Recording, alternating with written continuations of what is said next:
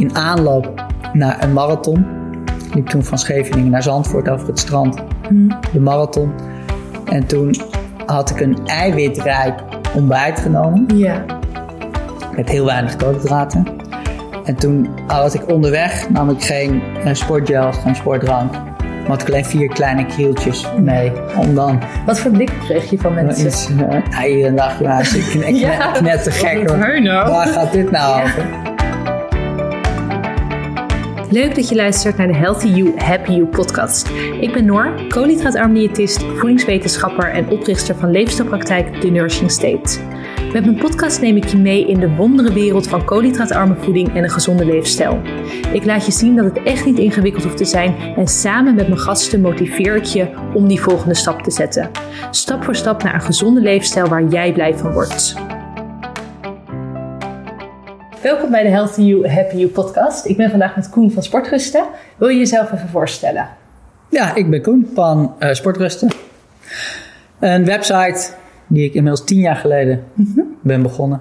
En ik ben al twintig jaar geïnteresseerd in hardlopen, wielrennen, trainen met hartslagmeters, met vermogensmeters, ademhaling, ijsbaden. Alles wat je met dat lijf kan doen. Ja. En daar schrijf ik boeken over, blogs over. En eh, ja, Ja. Zo is, in het kort. hoe is dat zo gekomen, die interesse in hardlopen en duursporten? Ja, eh, twintig jaar geleden studeerde ik psychologie. Terwijl ik eigenlijk liever profwielrenner wilde worden. En als wielrenner kwam ik terecht bij Stans van de Poel. En ik was in de veronderstelling dat ik een inspanningstest zou doen. En van haar zou horen hoeveel ik moest trainen om een betere wielrenner te worden. Maar behalve dat zij een inspanningstest deed op de fiets, liet ze me eerst 10 minuten rustig zitten. Ja. En ging ze mijn ademhaling meten in rust. En Ja. na die rustmeting en die inspanningstest zei zij, joh, in rust is je ademhaling te snel, te onrustig. Dat Ook kost te hoog? energie. Is dat dan snel? hoog, Ja. ja. Dus zij zei, joh, realiseer je wel dat je niet beter wordt tijdens training. Je traint, maar je wordt beter tijdens het herstel erna. Mhm. Dus de kwaliteit van je herstel is minstens zo belangrijk als de kwaliteit van die training. Dus zij zegt, met ademhalingsoefeningen Ja. kun je daar veel mee doen. En nou ja, daar was voor het eerst dat ik hoorde van nou ja, ademhalingsoefeningen, herstel. En nou ja, dat wielrennen, dat, dat deed ik al. Maar daar werd de combinatie. En, eh, zo is dat begonnen. Ja. Ja, en dus een, een groot interesse in hardlopen. Je hardloopt zelf ook veel. Hoeveel loop je iedere week hard? Loop je iedere dag hard? Hoe ziet dat eruit? Nou, volgende week eh, zondag loop ik de marathon van Valencia. Dus op dit moment heb ik nou ja, een, schema waarbij ik veel Ja. loop. Dus het was eh, nou ja, tot een week geleden 100 kilometer per week. Nu is het even wat rustiger. En in normale week, ik loop vier keer, vijf keer in de week hard. In verschillende gedaantes.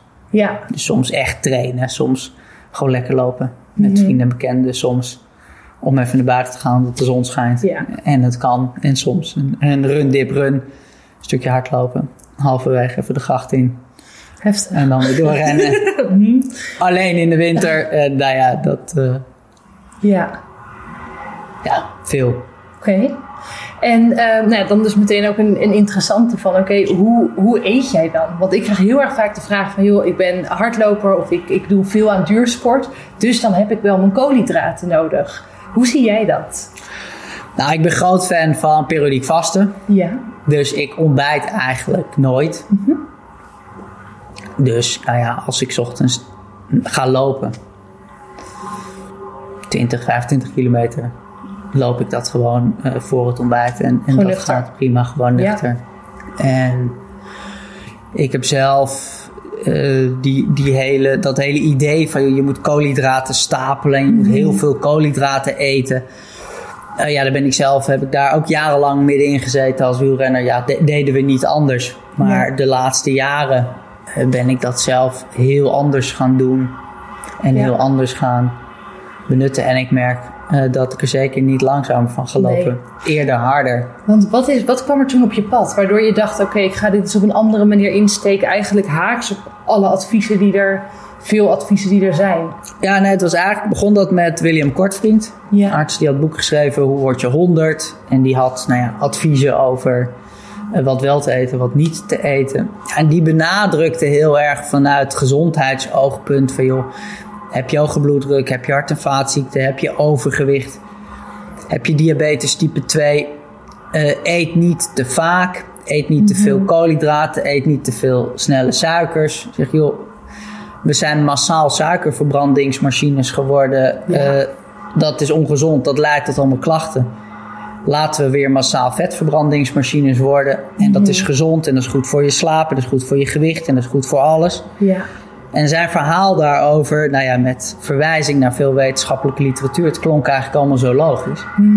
En toen dacht ik, dan is het eigenlijk best gek dat ik dat hardlopen, wat ik zie als iets wat gezond is en goed is, dat ik daar dan zo'n ongezonde eetgewoonte aan zou koppelen van juist uh, heel vaak eten, heel veel snelle koolhydraten eten. Uh, dat voelde een beetje onlogisch. Mhm. En voor mij was dat de aftrap om daarmee te experimenteren. En de manier om te gaan experimenteren was voor mij heel makkelijk. Want uh, ik hoefde me niet te plaatsen voor de Olympische Spelen. Dus die Ja. sportprestatie aan Ja. zich was voor mij bij het vertrekpunt helemaal niet meer het hoofddoel. Het hoofddoel is gewoon lol hebben in dat Mhm. hardlopen. Me goed en gezond voelen. Dus ik denk dan past dat gezonde eetpatroon Ja. met minder snelle koolhydraten, minder geraffineerde suikers, minder eetmomenten. Ja, Past daar past er eigenlijk heel goed bij. Ja. En dan is, zie ik daarna wel Ja. ja, wat er gebeurt met die sportprestatie. En nou ja, ik, ik word alleen maar sneller. Ook nu ik anders eet, Ja. minder vaak eet en minder koolhydraten eet. Ja, hoe ben je dat toen gaan doen? Ben je het radicaal gaan doen, een soort van cold turkey, ik ga gewoon minder koolhydraten eten? Of ben je dat per maaltijd gaan doen? Hoe heb je dat toen aangepakt?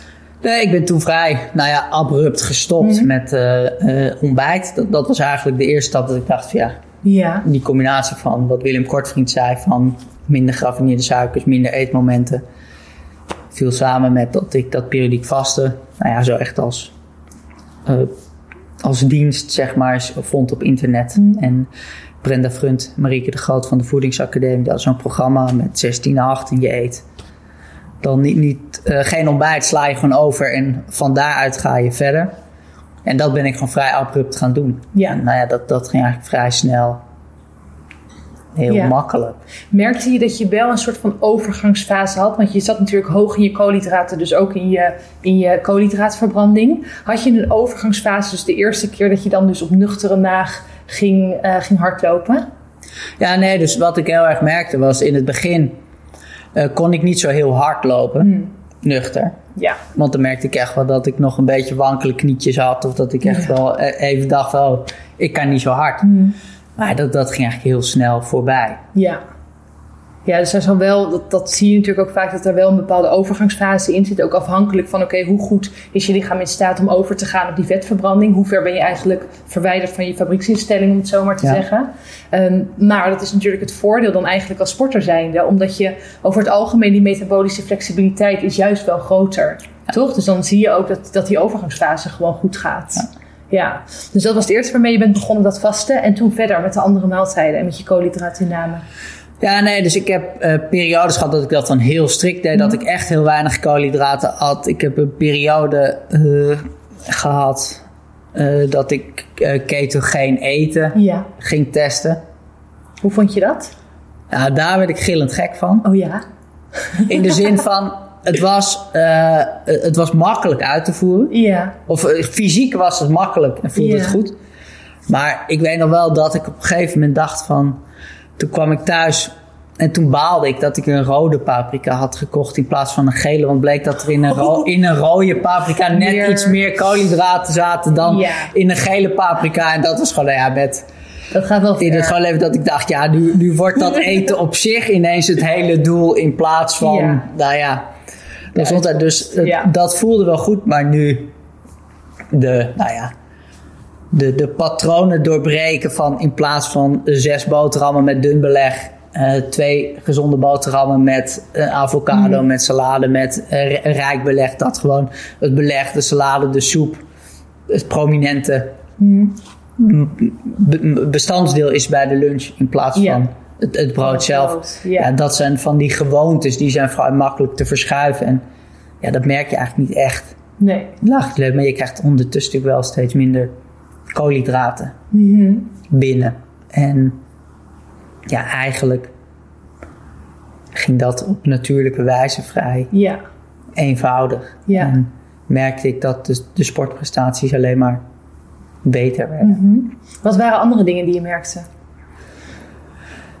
Nou, het is natuurlijk altijd lastig om het nou ja, op een gegeven moment op één ding te zetten. Ja. Van, ja, je, je verandert altijd een paar dingen en het Mhm. leven is natuurlijk continu aan verandering onderhevig doorlopend. Maar ik denk dat mijn slaap zeker verbeterde Ja.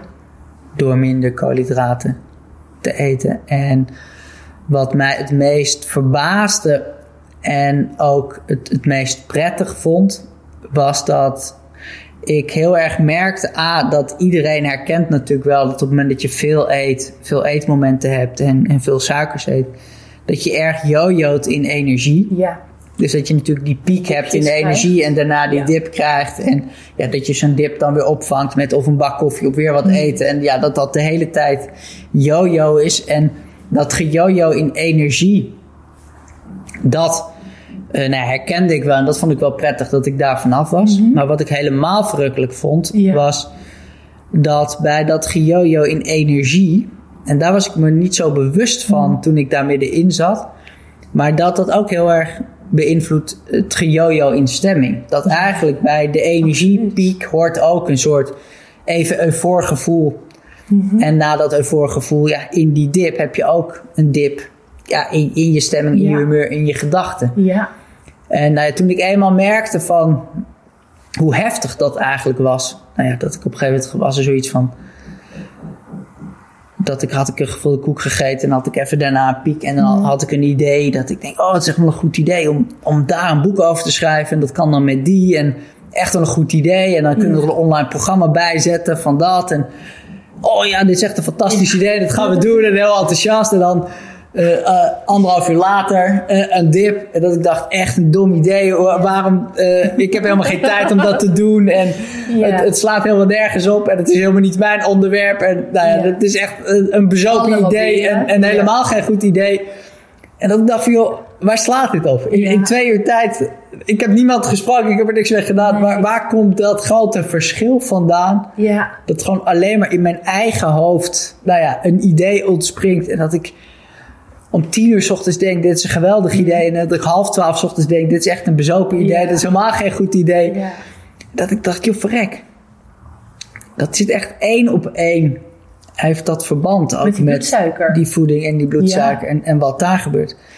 En toen ik eenmaal merkte gewoon dat door dat er af te laten, Mhm. minder eetmomenten, minder geraffineerde suikers, minder koolhydraten, ja, dat je daarmee een soort vanzelfsprekend veel constanter. Het is veel meer balans. Het is veel een soort van meer kabbelend beekje. In plaats van dat je inderdaad heel erg die piek en die daling krijgt. Wat eigenlijk dus gewoon je bloedsuikers die heen en weer gaat. Maar dan ga je mentaal natuurlijk ook in mee. Je ziet ook bijvoorbeeld bij mensen die eh, depressief zijn of een burn-out hebben, dat hun bloedsuiker echt ontzettend heen en weer gaat gedurende de Ja. dag. Ja, is natuurlijk niet gek. Kijk, dat, dan, ja, dan voel je, en heb je één, enerzijds een rush, maar daarna heb je weer een dip. Ja, als, dat, als heel je dag er zo uitziet, dan heeft dat natuurlijk wel effect. Ja. Dus ik kan me voorstellen dat het natuurlijk ook het mooie als je veranderingen maakt en dan voelt wat er gebeurt. Dat je eigenlijk, terwijl dat je in je oude situatie zat, helemaal niet dacht van oh, mijn, mijn pieken en mijn dalen die zijn zo, eh, wijken zo ver van elkaar af. Maar dat als het dan verbetert, dat je denkt van rek, eigenlijk was het helemaal niet ideaal. En voel ik me nu zoveel beter dan dat ik deed. Ja. Toch? Ja, want het lijkt wel dat als je het een tijd doet, dat eigenlijk het soort basisniveau van energie, focus, aandacht, creativiteit, vreugde eerder zit op de piek Ja. dan in, in dat midden. Ja. Dus ja, tel uit je winst als je daar gewoon Precies. Ja. de hele dag zit. En toen ik dat zo merkte met voeding, ja, dan wordt het ook makkelijk om. Ja. Ja, Ja, want dan heb je, dan heb je een, een constante reinforcement of een constante motivator waarom je keuzes maakt zoals dat je ze maakt. Toch? En dan wordt het ook, of dat merk ik zelf in ieder geval, dan, ik, ik stel mezelf nu niet meer de vraag, oh, hoe zou ik eten? Want het is gewoon super duidelijk, want daar voel ik me goed bij. Ja. Ja, dus dat, nou dat, is interessant. En dat is ook wat ik met de podcast hoop. Dat mensen ook uh, geïnspireerd raken om een beetje te gaan experimenteren. Om ook eens te gaan kijken van, joh, oké, dit is wat we altijd hebben geloofd. Zeker dus op het gebied van hardlopen en duursport en de koolhydraten. Maar ga eens kijken om het nou eens anders te doen. En wat jij ook zegt, weet je, kijk, als jij een, um, een, een, professioneel sporter bent, dan zou ik, oké, dan er zit een overgangsfase in. Dus daar valt echt wel wat over te zeggen. Of je dat, dat wil je in ieder geval heel goed timen. Maar zeker als je het recreatief doet, ga gewoon eens proberen. Ja. En ik denk dat je eetmomenten terugbrengen, mm ja, dat is zo makkelijk. Dat is zo makkelijk. Want ik weet nog wel dat ik toen, de, toen ik hier voor het eerst mee bezig ging en van hoorde, kreeg ik de tip om eens mijn eetmomenten te tellen. En toen vroeg vorig, joh, hoe vaak denk je dat je eet? Dus toen zei ik, nou ja, dat zal vier keer zijn. Ik denk ontbijt, lunch, diner, nou dan s'avonds nog wat. En toen was de, de van ja, maar iedere keer als je bloedsuikerspiegel omhoog gaat, telt dan als eetmoment. dus ook als je honing neemt in je thee, ook als je een cappuccino neemt op het terras met, met een koekje ernaast. Dus als je alles waar die bloedsuikerspiegel ja. omhoog gaat, telt als eetmoment. Durf nou eens het aantal keer dat je eet op een dag. En, nee, dat was toen uh, eh, 14 keer. 14 keer? Op een dag. Oh, en ik denk dat heel veel mensen dat hebben. want ik uh, nou, ik, toen ontbeet ik nog gewoon. Dus ik, ik ontbeet. Toen daarna had ik twee afspraken. Nou, die afspraken die waren in, een café met een gesprek. Dus nou ja, wat bestel je bij zo'n afspraak? Een cappuccino. Op dat schoteltje naast die cappuccino lag een koekje. Ja. Onnadenkt zeg dat in je mond. En nou ja, als je dat op die manier bij elkaar optelt. Hoe vaak je wel niet iets in je mond stopt. Ik bedoel, je kan niet bij een congrescentrum binnenstappen. En er ligt natuurlijk overal schalen mhm. met of chocola en snoep of met fruit en dingen. Maar overal ligt de hele dag door eten. Dus ja. als je helemaal niet zo bewust bent van mhm. wat dat doet. En je gewicht is gewoon goed omdat je veel sport. Ja, ik denk dat, dat veel mensen ja. schrikken als ze zien van hoe vaak is dat dan wat je mhm. eet. En het is heel makkelijk, voor iedere sporter heel makkelijk. Om dat terug te dringen en om dat dan te ervaren, viel, wat gebeurt er dan? Met mijn energieniveau. Wat gebeurt er dan met mijn sportprestatie? Dus dat zou ook een eerste advies zijn wat je zou geven van joh, ga eens kijken naar die eetfrequentie. Zeker, tel dat. Tel dat en ga een dag later, halveer dat. En kijk eens wat dat doet met je, mhm. ja. met je energie. Nou ja, de kans is groot dat je al meteen merkt. Even, ja. Als ik minder eet, ook meer energie. Terwijl dat natuurlijk een beetje haaks op. Ja, wat heel tegenstrijdig lijkt. Maar wat je dus ook pas... Ehm, waarvan je pas zeker bent als je het gaat doen. Omdat je, nou ja, in je hoofd klinkt het gek als je het gaat doen, zul je het ervaren. Want ik had eerst voor de koolhydraatarm had nou acht keer per dag. Het, ik denk dat het, oké, misschien was het tien keer. Nee, nee, ik denk dat, dat het acht was. Omdat ik nu zit te denken van, oké, die cappuccino's, maar die heb ik er dan wel bij geteld. Dus ongeveer acht keer per dag. Uh, nu is het nou twee of drie keer per dag. Ja, is heerlijk rustig. Ook gewoon het feit dat je niet constant zo bezig bent met je volgende eetmoment. Ja. Toch? Ook dat is gewoon prettig. ja. ja. Wat ik me verder afvraag, hoe doe jij dat in voorbereiding naar een wedstrijd toe? Wat doe je dan met je voeding? Ja, dus in uh, voorbereiding naar een belangrijke wedstrijd toe uh, doe ik helemaal niets anders. Dus dat koolhydraten stapelen richting een marathon of zo. Ja. Uh, dat, doe ik helemaal niet. Ik geloof er ook echt niet meer in. Nu je weet van, ja, hoe die spieren en die lever glycogeen opslaan en vasthouden om keihard op te rennen. Mm -hmm. Om dan ineens die paar dagen ervoor heel veel koolhydraten te eten. je spieren slaan het echt niet op als slimme brandstof. Je eet gewoon te veel en je spieren slaan het op als vet en je houdt vocht vast. Dus in plaats van dat je meer energie hebt om keihard mee te lopen, ben je anderhalve kilo zwaarder. Eh, dan je gewoonlijk bent en loop je daardoor dus een, een stukje minder hard. Dus dat koolhydraten stapelen aan zich, mm daar ben ik helemaal mee gestopt. Dat doe ik zeker niet. Dus ik eet gewoon, nou ja, eigenlijk wat ik altijd eet. Alleen op de wedstrijddag zelf uh, maak ik het me makkelijk. Mm Als ik een dik vet PR wil lopen en ik wil keihard lopen. Dan neem ik wel sportjelletjes. Ja. Dus dan neem ik vooraf en iedere 8 kilometer een sportjelletje. Omdat dan, nou ja, met die snelle verbranding op die suikers bij die fysieke mhm. inspanning...